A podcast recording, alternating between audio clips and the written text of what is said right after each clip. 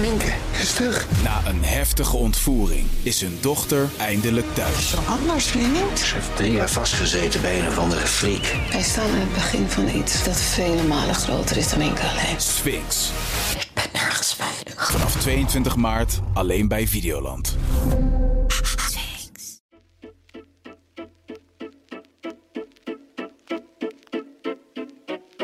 Hallo, dit is Haags Half Uurtje, de politieke podcast van Trouw. Mijn naam is Christophe Smit. De verkiezingen van 22 november komen dichterbij. En alle partijen hebben het opeens over bestaanszekerheid. Maar wat betekent het nou precies? En hoe komt dat begrip bestaanszekerheid terug in de grote thema's waar deze verkiezingen om draaien? Deze week zetten we het vergrootglas op het klimaatbeleid. Uh, en dat doe ik met Janne Chandron, onze nieuwe uh, Haagse klimaatexpert. Welkom Janne. Dankjewel. Um, jij hebt de afgelopen weken heel wat mensen gesproken van uh, verschillende partijen uh, over dit thema. Wat is jou daar het meest van bijgebleven? Of wat sprong er bovenuit? Ja, dat klopt. Ik heb uh, veel politici gesproken deze week. variërend van CDA'ers tot VVD'ers en GroenLinksers. En wat mij het meest opviel was een interview wat ik had met Suzanne Kreuger van, het, van de GroenLinks. Pardon. zij vertelde mij dat het klimaatbeleid eigenlijk volwassen is geworden. Dus dat eigenlijk alle politieke partijen, behalve de meest rechtse partijen, het wel hebben omarmd.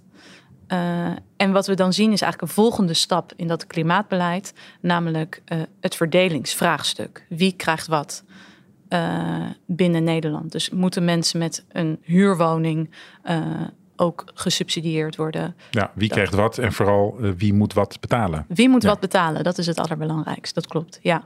En daar is, daar is een begrip voor uitgevonden, of dat eigenlijk bestond het al een tijdje. Uh, klimaatrechtvaardigheid. Dat klopt. Uh, wat, waar staat dat precies voor? Klimaatrechtvaardigheid gaat eigenlijk. Het is een beetje aan inflatie onderhevig, dat begrip inmiddels. Um, maar het gaat eigenlijk over uh, het verschil tussen rijk en arm.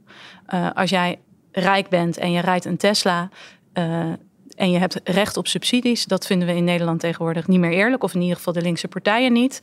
En die zeggen je moet rechtvaardig zijn in dat beleid. Dus ook de onderkant van de, van de samenleving moet worden gesubsidieerd. En dat kan inderdaad bijvoorbeeld door uh, woningbouwcorporaties versneld uh, te laten, uh, de huizen te laten isoleren of huizen van het gas af te halen, zodat ook arme mensen uh, daarvan profiteren en bovendien een lagere energierekening krijgen. Uh, want we hebben allemaal gezien wat daar afgelopen winter gebeurde. Uh, dat mensen gewoon ontzettend veel voor hun, voor hun energie moesten betalen vanwege de oorlog in Oekraïne. En dat is eigenlijk wat er nu wordt verstaan onder het woord klimaatrechtvaardigheid. Ja, en afgelopen winter zijn er natuurlijk allerlei labmiddelen voor bedacht. energietoeslagen en zo, allemaal pleisters plakken. Maar klimaatrechtvaardigheid gaat er nu eigenlijk om dat dat een soort structureel systeem wordt waarbij uh, de onderkant van de samenleving ook mee wordt genomen in, die klimaatbeleid, in dat ja, klimaatbeleid. Dat klopt. En toen was er natuurlijk ook veel discussie over waarom rijke mensen ook die toeslag kregen en arme mensen niet. Uh, die discussie bestaat nog steeds. Uh, en dat is nu waar met name PvdA en GroenLinks heel erg op hameren. Wat ook heel erg opvalt is dat sinds deze twee partijen zijn gefuseerd, de term klimaatrechtvaardigheid uh, is geïntroduceerd. Uh, ik heb even gekeken naar het debat afgelopen week. Dat ging over de begroting van economische zaken en klimaat. Uh, en nou, Kreuger noemde dat woord ongeveer vijf of vier of vijf keer, als ik het goed heb. in verschillende hoedanigheden. Dus het, de ene keer ging het over internationale klimaatrechtvaardigheid. Wat krijgen arme landen en hoe uh, hebben arme landen last van de opwarming van de aarde? En de andere keer ging het over uh, de binnenlandse klimaatrechtvaardigheid. Wat krijgen de arme mensen in Nederland? Ja. Ja, wordt dat klimaatrechtvaardigheid, wordt dat nou net zo'n soort uh, buzzword als bestaanszekerheid, deze verkiezingen? Dat kiezers denken van ja, wat moet ik hier nou mee? Dat zou zomaar kunnen. wat nog leuk is om te noemen, is dat de SP dit begrip ooit heeft gemunt in 2018. Uh, en toen ging het eigenlijk helemaal niet over climate justice. Toen ging het veel meer over uh, rechtvaardigheid. Want de, SP had toen een verkiezingscampagne bedacht uh, met als hoofdthema rechtvaardigheid. En klimaatrechtvaardigheid was daar een belangrijk onderdeel van. Lilian Marijnissen, die, die gebruikte dat woord in alle interviews ongeveer. en stelde voornamelijk vast, wat ze altijd doen, dat de arme mensen onvoldoende profiteren van dat klimaatbeleid dat is grappig om te benoemen, omdat de SP dat woord nu nog steeds in het verkiezingsprogramma absoluut heeft. maar niet meer zo pontificaal in dat debat uh, aan bod komt. Veel minder dan GroenLinks en PvdA. Ja. Zou je kunnen zeggen dat andere partijen uh, met dat begrip uh, aan de haal zijn gegaan? Of daar misschien veel beter uh, munt uit weten te slaan dan de SP? Ja, dat zou je zomaar kunnen bedenken. Dat vinden ze zelf natuurlijk niet.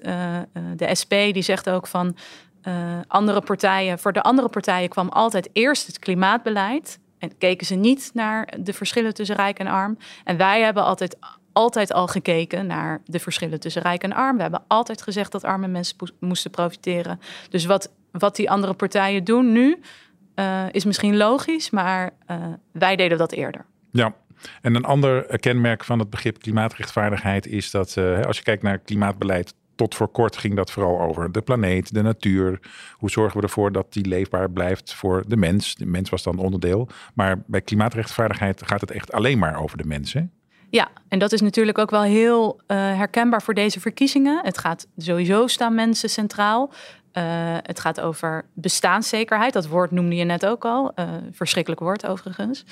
Um, en dat zien we nu ook met het klimaatbeleid. Dus de bestaanszekerheid binnen het klimaatbeleid speelt nu een belangrijke rol de, de, de, verkiezingen gaan over de mensen, over mensen aan de onderkant van de samenleving, over mensen die het niet zo breed hebben, over uh, mensen die zelfredzaam moeten zijn. Uh, dat zien we binnen die klimaatdiscussie speelt dat ook. Ja, en een iets breder verband, klimaatbeleid. Uh, als je 20, 30 jaar geleden teruggaat, dan was dat een geitenbolle sokken uh, thema. Uh, nu zie je dat zelfs centrumrechtse partijen dat helemaal hebben omarmd. Hè. Dat is mainstream geworden, dat je strijdt tegen klimaatverandering. Jij hebt daar nog speciaal je in verdiept voor een artikel van afgelopen week. Dat ging dan over het CDA en de VVD. Wat kun je daar nog over vertellen? Je hebt met Ed Nijpels gesproken bijvoorbeeld van de VVD. Ja, dat klopt. Ik heb uh, Ed Nijpels gesproken. Eigenlijk is Ed Nijpels is uh, oud-minister, uh, VVD'er en de klimaatman binnen die partij.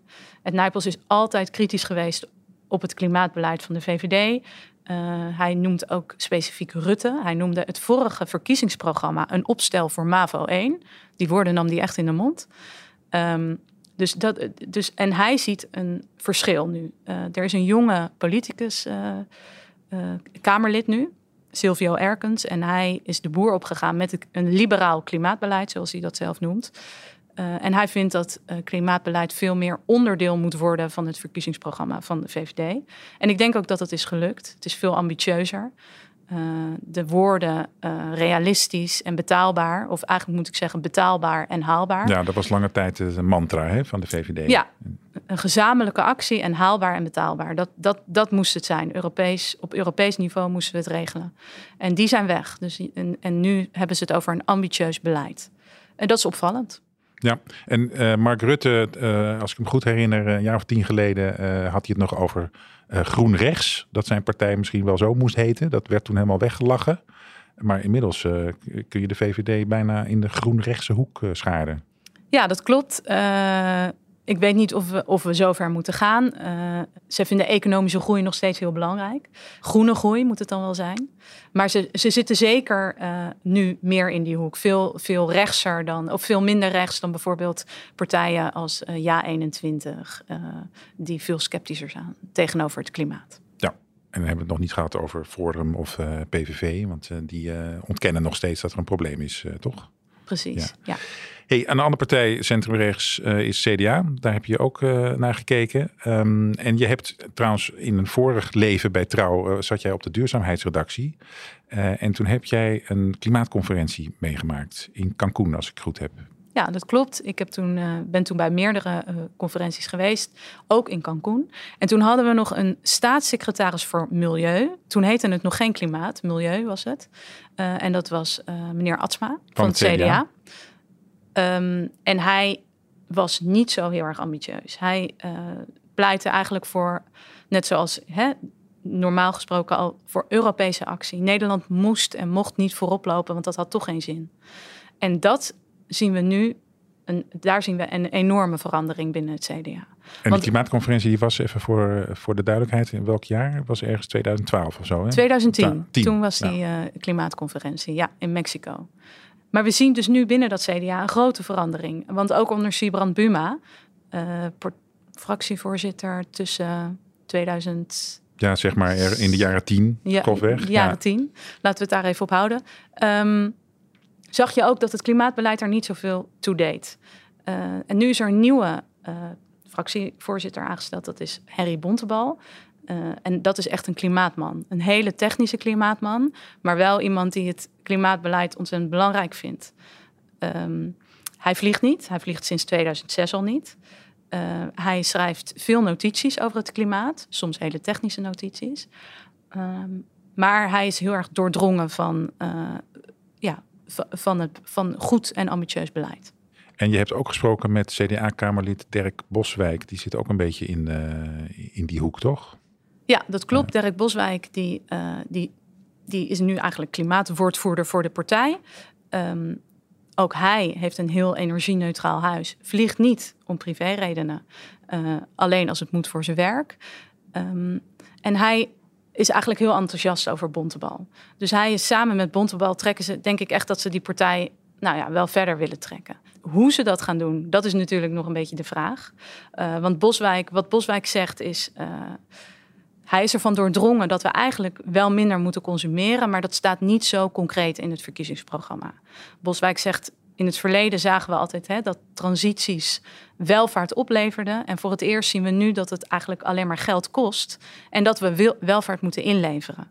En dat is natuurlijk voor kiezers een lastig, dat is voor hen een lastig verhaal om te vertellen in deze campagne. Ehm, dus daar, je, je merkt dat het CDA daarmee worstelt. Ja, want dan hebben we het inderdaad over minder consumeren, hè, vaak ook. Eh, dat is al lange tijd eigenlijk niet eh, bespreekbaar geweest voor de meeste partijen. Zie je daar ook verschuivingen bij die centrumrechtse partijen? Ja, nou, ik denk dat op dat gebied, zover gaan ze niet. Zeker de VVD niet. De VVD die bepleit toch nog steeds groene groei.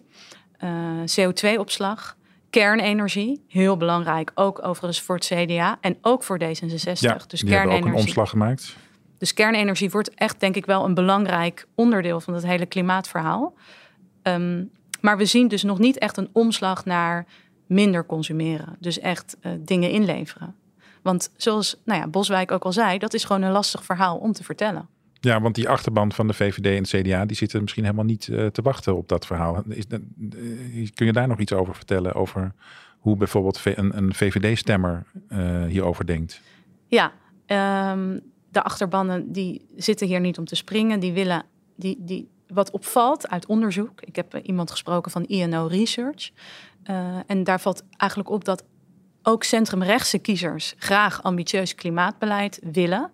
Eh, zelfs een, best wel een substantieel deel vindt dat Rutte, het afgelopen kabinet Rutte niet genoeg heeft gedaan. Terwijl zij toch wel echt ontzettend veel hebben gedaan. Met een klimaatfonds van 35 miljard euro. Ehm, maar als, hè, als het komt op de vraag van ga je minder vliegen, Eh, wil je inleveren, ga je minder kleding kopen, eh minder vaak een nieuwe telefoon, dan zeggen ze nee. Dus daar zit, daar zit ook echt het verschil met de meer linkse partijen. Eh, en zeker een, een partij als de Partij voor de Dieren bijvoorbeeld, maar ook GroenLinks PvdA, die heel erg hameren op het hergebruiken van spullen, het repareren van spullen. En de meer rechtse, nou ja, de rechtse kiezers denken dat het ook anders kan. Of die denken misschien van, we zijn voor een streng klimaatbeleid, maar dat hoef ik niet te doen, dat moet de buurman doen. Of is dat eh, toch kort door de bocht? Ik weet niet of ze dat denken. Ik denk dat ze veel meer denken in, het, in innovatie. In, eh, in eh, de, de, de, nou, het, het opslaan van CO2. ehm, het langer. Erkens gaf mij als voorbeeld bijvoorbeeld koelkasten maken die langer meegaan. Of telefoons die langer meegaan. Grondstoffen hergebruiken uit die telefoons. Eh, dan komen we al een heel eind. Dat Ja. is het idee. Hey, en Janne, waar we het nog niet over hebben gehad, is de nieuwe partij van Pieter Omtzigt. Nieuw sociaal contract. Eh, ik ben heel benieuwd hoe die over het klimaatprobleem denkt. Weet jij dat? Dat is nog steeds lastig te zeggen, want er ligt nog steeds geen partijprogramma. Dat komt eind oktober en op zijn laatst 1 november. Eh, maar we hebben wel natuurlijk gezien wat hij afgelopen eh, tijd in de media heeft gezegd en hoe hij heeft gestemd. Zelfs in een interview van Trouw heeft hij volgens mij gezegd dat hij het nogal religieus vindt hoe er met, die, eh, met het behalen van klimaatdoelen wordt omgegaan in Nederland. Dus dat weten we alvast. We weten ook dat hij tegen dat enorme klimaatfonds van 35 miljard heeft gestemd. Uh, dat had dan met name betrekking op het feit dat hij vond dat er te weinig werd gedaan voor de mensen aan de onderkant van de samenleving. Zijn stokpaardje bestaanszekerheid. Um, dus dat, dat weten we van hem. En we weten ook van hem dat hij als CDA-kamerlid al uh, uh, eigenlijk die subsidies voor elektrische auto's wilde afschaffen. Hè? Ja, dat klopt. Dat was alleen voor rijke mensen, vond hij. Ja, dat heeft hij in 2018 heeft hij dat uh, al bepleit. Dat klopt. En een ander opmerkelijk element uit dat interview was dat hij ervoor pleit om uh, dat gas in Groningen, dat is dicht. Maar er is ook nog een gasbel uh, bij de Noordzee, bij de Waddeneilanden. Daar wil hij gewoon eigenlijk ook, dat gas wil hij winnen. En het liefst alleen voor Nederlands gebruik. Dus niet exporteren, maar puur voor Nederlands gebruik reserveren. Dat klinkt ook vrij ja, uh, origineel, laat ik het zo samenvatten. Ja, dat is origineel en uh, dat lijkt mij ook een beetje een protectionistische maatregel. En ik denk dat we allemaal heel erg benieuwd zijn waar hij straks mee komt en hoe zijn klimaatvisie eruit ziet. Ik, ik begrijp dat hij vooralsnog ook in, in, in zijn puntenplan, wat hij wel al eerder heeft gepresenteerd, niks over klimaatbeleid zegt. Dus ja, we zijn heel erg nieuwsgierig. Ja, Nee, want inderdaad bij de presentatie van zijn uh, programma, van zijn partij in augustus, een 18 pagina's tellend document. Dat ging over bestaanszekerheid, ging over van alles, ging over de Raad van Europa, maar het ging niet over het klimaat. Dat uh, was opmerkelijk. Dus misschien is hij nog een inhaalslag van plan wat dat betreft. Janne, je noemde al het klimaatfonds van 35 miljard. Uh, dat is al door diverse partijen van gezegd van uh, dat gaat mooi niet door en uh, er komt een nieuw kabinet straks, dus dat fonds is er niet. Maar zo makkelijk loopt dat niet, toch? Want dat is al heel end gevorderd in de besluitvorming. Ja, dat klopt. Dat moet nog door de Eerste Kamer, als ik het goed heb. Ehm, dus als het wordt aangenomen, dan, dan zit uh, een volgend kabinet ook met dat klimaatfonds van uh, 35 miljard. En dat is bedoeld eigenlijk om, om die, die klimaatdoelen, hè, die, die we eigenlijk hebben afgesproken in Europa, om die te behalen. Uh, en om zoveel mogelijk uh, CO2 nou ja, te reduceren. Um, dus we gaan, ja, we gaan zien hoe dat eruit gaat zien. Wat natuurlijk heel spannend wordt, is hoe dat klimaatbeleid in een volgend kabinet vorm krijgt. Wat denk ik hoopgevend is, als ik dat zo mag benoemen, maar ik denk dat we dat toch wel zo mogen zeggen, is dat toch echter een zo'n grote urgentie gevoeld wordt om, om een klimaatbeleid te voeren. Uh, dus dat we er iets van gaan merken, dat lijkt me evident. Um, dat we daar, nou ja, wie daarvan gaat profiteren, dat weten we niet. Maar ik denk ook, ook, want ook bij het CDA staat in het verkiezingsprogramma dat zij ook de mensen aan de onderkant van de samenleving willen helpen. Dus ook daarin zullen we gaan zien uh, dat er mensen gecompenseerd worden. Uh, hoe snel dat gaat. Uh, en hoe snel die transitie vorm krijgt, ja, dat is afwachten. Ook met wat er kan. We hebben bijvoorbeeld ook een stroomnet dat overvol zit. Dus dat moeten we op een gegeven moment ook gaan vervangen. Hoe het kabinet dat wil gaan doen, niemand die het weet. Ja, dat dus zijn gewoon infrastructurele investeringen die ze dan moeten heel concrete dingen oplossen eigenlijk. Hè? Ja. ja. Ja, en het is natuurlijk de vraag: wat gaat er gebeuren met die kernenergie? Want er is al jaren geleden gepleit voor meer kernenergie. Dat is er nooit gekomen. Nu zijn er nog meer partijen die ervoor pleiten. Maar het duurt ontzettend lang voordat er een kerncentrale staat. Uh, hoe gaat dat verder? Het wordt echt heel spannend. Ja, en heel actueel ook is die discussie over fossiele subsidies. Of dat schijnt dan een verkeerd begrip te zijn, hè? want dat zijn eigenlijk belastingvoordelen die aan fossiele brandstoffen worden gegeven. De A12 is wekenlang bezet geweest door Extinction Rebellion. Wat is daar de laatste stand van zaken? Ja, dat is dus ook wel opvallend, want er uh, is een motie ingediend, ook weer door Kreuger, om zodat het kabinet gaat onderzoeken om die fossiele subsidies, of inderdaad, wat jij zegt, belastingvoordelen af te bouwen. Die is aangenomen. De VVD, zelfs de VVD, heeft voor die motie gestemd. Um, dus dat, dat, het is allemaal nog heel vaag. Hè? Het zijn maar woorden en het is weer een onderzoek, zoals zo vaak in Nederland gebeurt. Maar ik denk toch uh, de, de urgentie wordt ook daar gevoeld dat die, die bedrijven die zoveel vervuilen, dat daar wel iets mee moet gaan gebeuren. Um, dus ik, heb, ik ben eigenlijk wel hoopvol voor een nieuw kabinet uh, met een heel ambitieus klimaatbeleid. Ja, want je kunt inderdaad wel afsluitend kunnen we concluderen dat wat de uitslag ook zal zijn van die verkiezingen. Het is duidelijk dat er zo'n massale steun is voor klimaatbeleid. Welk kabinet er ook komt, die zullen daar gewoon uh, volle kracht mee vooruit gaan. Absoluut. Ja. Lijkt me een positieve, tenminste voor degene, voor degene die zich daarin kunnen vinden, een positieve conclusie. Dankjewel uh, Janne Dankjewel. Uh, voor je uitleg. En dit was Haagse half uurtje voor deze week. Mijn naam is Christel Smit en de komende verkiezingstijd uh, gaan we meer onderwerpen uitdiepen in deze podcast, zoals asiel en migratie, armoede, ongelijkheid eh, en eh, woonbeleid. Om er maar een paar te noemen. Dus blijf vooral luisteren. Eh, deze podcast is gemaakt door Hanne van der Wurf en George Paul Henneberken. Volgende week zijn we er weer. Tot dan. Minke is terug. Na een heftige ontvoering is hun dochter eindelijk thuis. Anders, vriend. Ze heeft drie jaar vastgezeten bij een of andere freak. Wij staan aan het begin van iets dat vele malen groter is dan enkel alleen. Sphinx. Ik ben nergens veilig. Vanaf 22 maart alleen bij Videoland.